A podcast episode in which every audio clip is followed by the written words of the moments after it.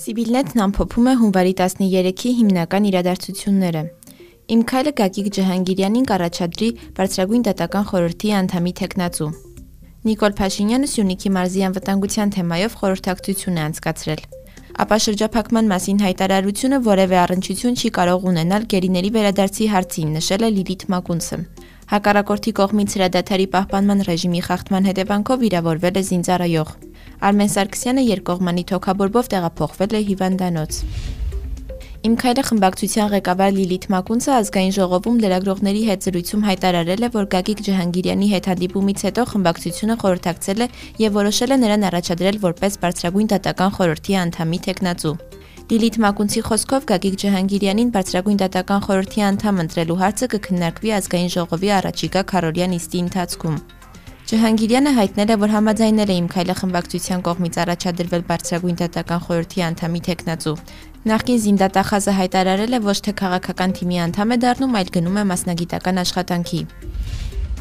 Վարչապետ Նիկոլ Փաշինյանի մոտ կայացած խորհրդակցության ժամանակ քննարկվել են Սյունիքի մարզի սահմանային միջավայրի փոփոխությամբ պայմանավորված իրավիճակը եւ անվտանգության ապահովման ուղղությամբ ձեռնարկվող միջոցառումները։ Փաշինյանը նշել է, որ Սյունիքը համարում է պետականության ողնաշարը։ Վարչապետին զեկուցվել է Սյունիքի սահմանամերձ համայնքների եւ ճանապարհների անվտանգության ապահովման, սահմանային կետերի տեղորոշման աշխատանքների, քաղաքացիների հնարավոր գույքային վնասների փոխհատուցման գործընթացի եւ հարակից այլ խնդիրների լուծման ընթացքի մասին։ Փաշինյանը հանձնարարել է գործընթացում ներգրավված պատասխանատու մարմիններին արդեն իսկ ձեռնարկվող միջոցառումները, ինչպես նաև խնդիրների գույքագրման եւ լուծման աշխատանքները շարունակել միջգերատեսչական աշխատանքային խմբի շրջանակում, որն օպերատիվորեն կարձանագրի խնդիրները եւ լուծումներ կտա։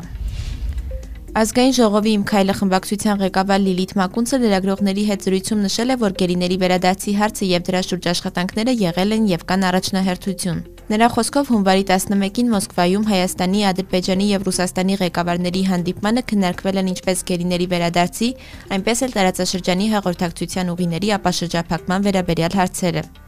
Ըստ Մակունցի 4 ժամ տևած բանակցություններից 3-ը նվիրված է եղել գերիների վերադարձին։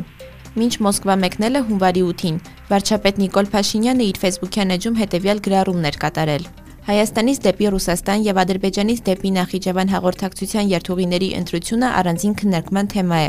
որի արդյունավետության կարևոր պայմանը գերիների, պատանդների եւ այլ պահվող անձանց զոհվածների մարմինների փոխանակման, ինչպես նաեւ անհետ կորածների որոնողական աշխատանքների ծավալների եւ արդյունավետության բարձրացումը։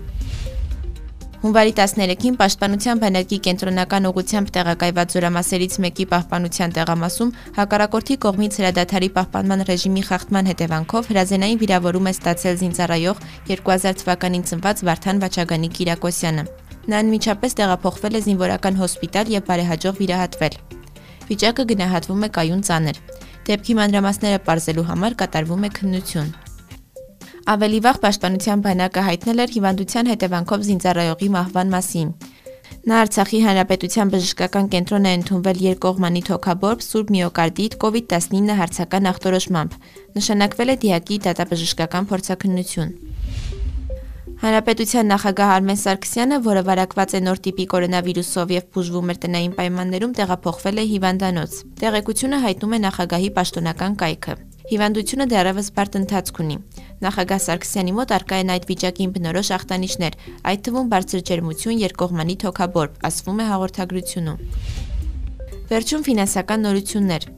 Հայաստանի Հանրապետության ֆինանսական շուկաների բնականon գործունեության ապահովման նպատակով Կենտրոնական բանկը արտարժութային շուկայում կիրականացնի գործառնություններ։ Հայաստանի կենտրոնական բանկի մամուլի ծառայությունից հայտնել են, որ կառույցը շարունակում է իրականացնել ֆինանսական շուկաների մշտադիտարկում եւ անհրաժեշտության դեպքում կկիրառի իր գործիքակազմում արկա բոլոր գործիքները, երաշխավորելով գների եւ ֆինանսական կայունությունը։ Ղարաբաղյան երկրորդ պատերազմի ավարտից հետո արդեն երրորդ դեպքն է, երբ կենտրոնական բանկը դրամի արժեզրկման ֆոնին հայտարարում է արտարժույթի շուկայում գործառնություններ կամ ինտերվենցիա իրականացնելու մասին։